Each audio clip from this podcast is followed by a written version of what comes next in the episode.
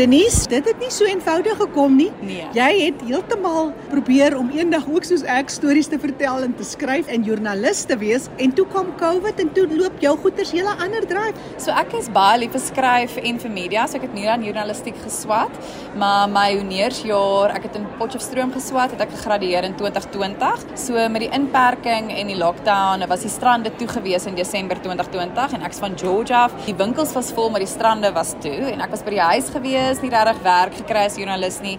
My skoonsussie het 'n smoothie bar, soos 'n tipe gesondheidswinkel oopgemaak en sy het vir my gevra of ek gesonde kaaskoeke en goedjies vir haar sal bak want ek was nog altyd lief vir bak. So het ek van die huis af begin werk en begin bak en dan naverskaf en binne 3 weke het ek 16 ure 'n dag begin werk. Ander winkels wou ook by my bestel. Dis nou 2 en 'n half jaar later. Ons verskaf nou aan so oor die 80 winkels reg oor die land. So dis ongelooflik om te sien hoe die besigheid gegroei het. Ek het geen besigheidsagtergrond whatsoever gehad nie les. Ek leer nog elke liewe dag, maar dit is die lekkerste ervaring vir my. Maar wat was die groot lesse wat jy uitsonder wat jy moes leer? My swakpunt was altyd geduld, maar dit het definitief my sterkpunt geraak. Want Rome is nie in 'n dag gebou nie, so om net geduldig te wees met die proses, om nie so hard te wees op jouself nie. As jy jou eie baas is, jy het nie 'n baas wat vir jou sê wel gedaan Denise, jy het goed gedoen vandag nie.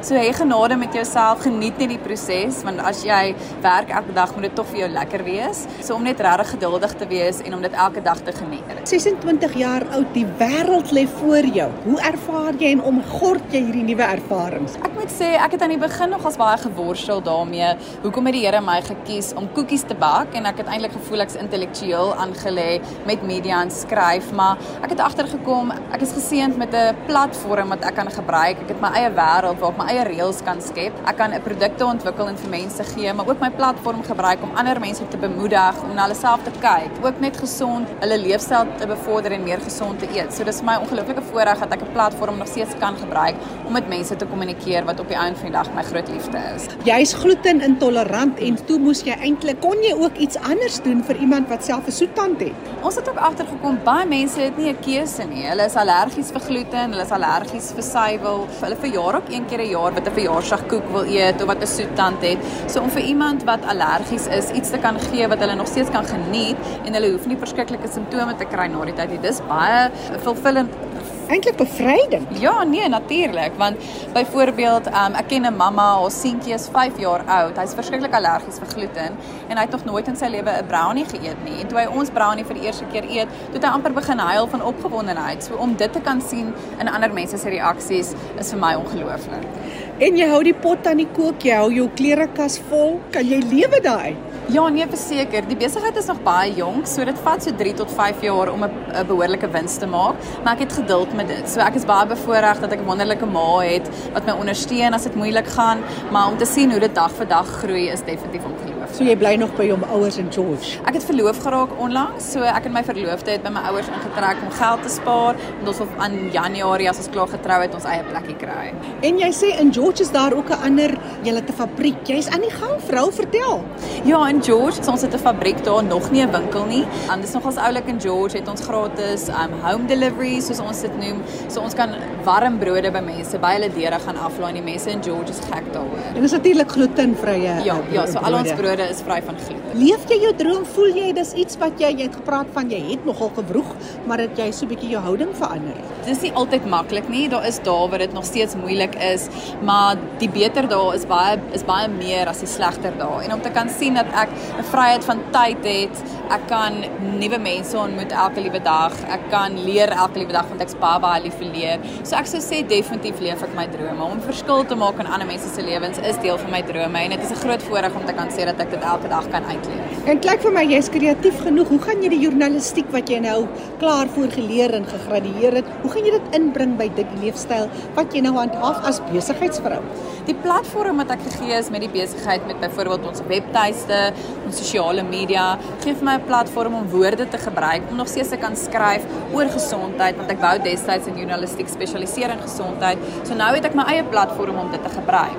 Ek het al baie keer met 'n klein online tydskrifte gewerk waar ek skryf oor gesondheid. So daar is nog hier en daar journalistiek wat ek inbring en ek wil die die besigheid tot op 'n punt laat groei waar ek omtrent net tyd bestee aan media en om ons filosofie en waarvoor met Lime in my besigheid staan net in media te kan kommunikeer wat eintlik op die einde van die dag my doelwit is. Wat is 'n laaste woord aan jong mense wat dalk uiteindelik Nie net na COVID nie, maar jy weet die lewe loop maar sy eie draaie en 'n ou kry nie altyd wat jy gedroom het en jouself gesien het nie. Wat is jou boodskap vir iemand wat ook nou moes amper wil ek sê jou droom aanpas? Daar's baie mense wat groot drome het, maar hulle vrees is half groter as hulle drome. So hulle is te bang om in die droom in te spring want hulle het nie genoeg kapitaal nie of hulle het nie genoeg dit of dat nie. Maar ek is baie lief vir 'n gesegde wat my aan die gang gehou het is en dis nou in Engels is um the key to success is to start before you're ready. Jy kan ongelukkig nie wag vir al jou eentjies om in 'n ry te wees om met jou droom te begin nie, want dan gaan jy dit nooit doen nie. Jy gaan nooit in dit inspring nie. So begin klein, doen dit net. Leer soos wat jy aangaan en as jy jou oë uitvee dan gaan jy jou droom bereik. Dink die hele tyd aan 16 ure 'n dag.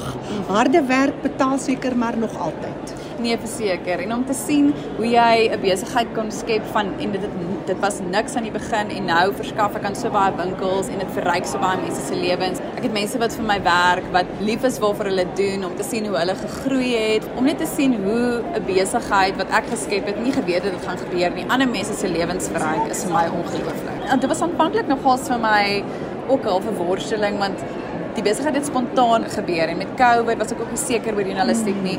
Maar dit is net vir my, ek dink dit gaan vir my oor die mense. Ja, en daar's mense wat soos ek gesê het nie 'n keuse het nie, wat hulle hulle kan glad nie soet goed eet nie en om daai want ons eet 3 keer 'n dag. Dis so 'n groot gedeelte van ons lewe. So om gesondheid daar agter te koppel en om vir mense lekkernye te gee wat hulle kan eet, al is hulle allergies vir meeste van die goeders wat in die winkels is. En vir 'n seentjie wat 5 jaar oud is 'n verjaarsdagkoek te gaan gee wat hy kan eet en hy het nog nooit 'n verjaarsdagkoek geëet nie as gevolg van sy allergie. Dit is baie vervullend om te sien hoe dit wat ek doen iemand anders so positief kan beïnvloed. Hoeveel mense werk vir jou? 4. Is dit alles plaaslike bronne wat jy gebruik? Hoe bevorder jy ook die plaaslike mark? Ja, ons probeer so plaaslik as moontlik bly. In George is dit ongelukkig nie altyd moontlik nie want baie van ons bestanddele is nie in George beskikbaar nie. Natuurlik jou heuning is is by plaaslike plase, maar baie van ons gluten-vrye meule byvoorbeeld moet ons van die Kaap af kry of van Johannesburg af kry. Maar nee, ons voer absoluut niks in nie. So alles is plaaslik, ja. Ons werk ook saam met 'n geregistreerde dieetkundige om seker te maak dat dit nie net my keuse is nie, maar om regtig 'n produk daar buite te sit en 'n brownie daar buite te sit wat dit eetkundige goedkeur en wat regtig goed is vir mense. Ek moet maar wegbly van die suiker want ek het daai nie net 'n suikertand, ek dink ek het 32 suikertande.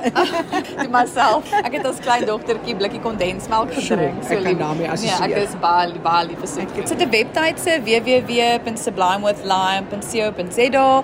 Ons het ook sosiale media, ons het 'n Sublime with lime, wat ja. daar's niks van lime in jou produkte nie. Nee, so toe ek het eintlik as student toe ek nog journalistiek geswat het, omdat ek so lief is vir woorde, het ek die die besigheid eintlik het as 'n blad op sosiale media begin waar ek gesonde resepte gedeel het. En Sublime with Lime het ek as naam gekies want sublime, wat sublime is in Afrikaans, is my gunsteling woord met die betekenis daar agter wat eintlik beteken dis meer as ongelooflik. Dit is out of this world, buite die wêreld goed. En with lime was net die gedeelte van die natuur en halfe varsheid. Denise Robertson van George was lekker om te sien hoe jy blom en jou eie besigheid net verder en verder. Ag, dankie. Alles Jackie. van die beste. Dit was heerlik om met jou te gesels. Baie dankie. Ek is Jackie January wat groet vir RSG. Tot 'n volgende keer.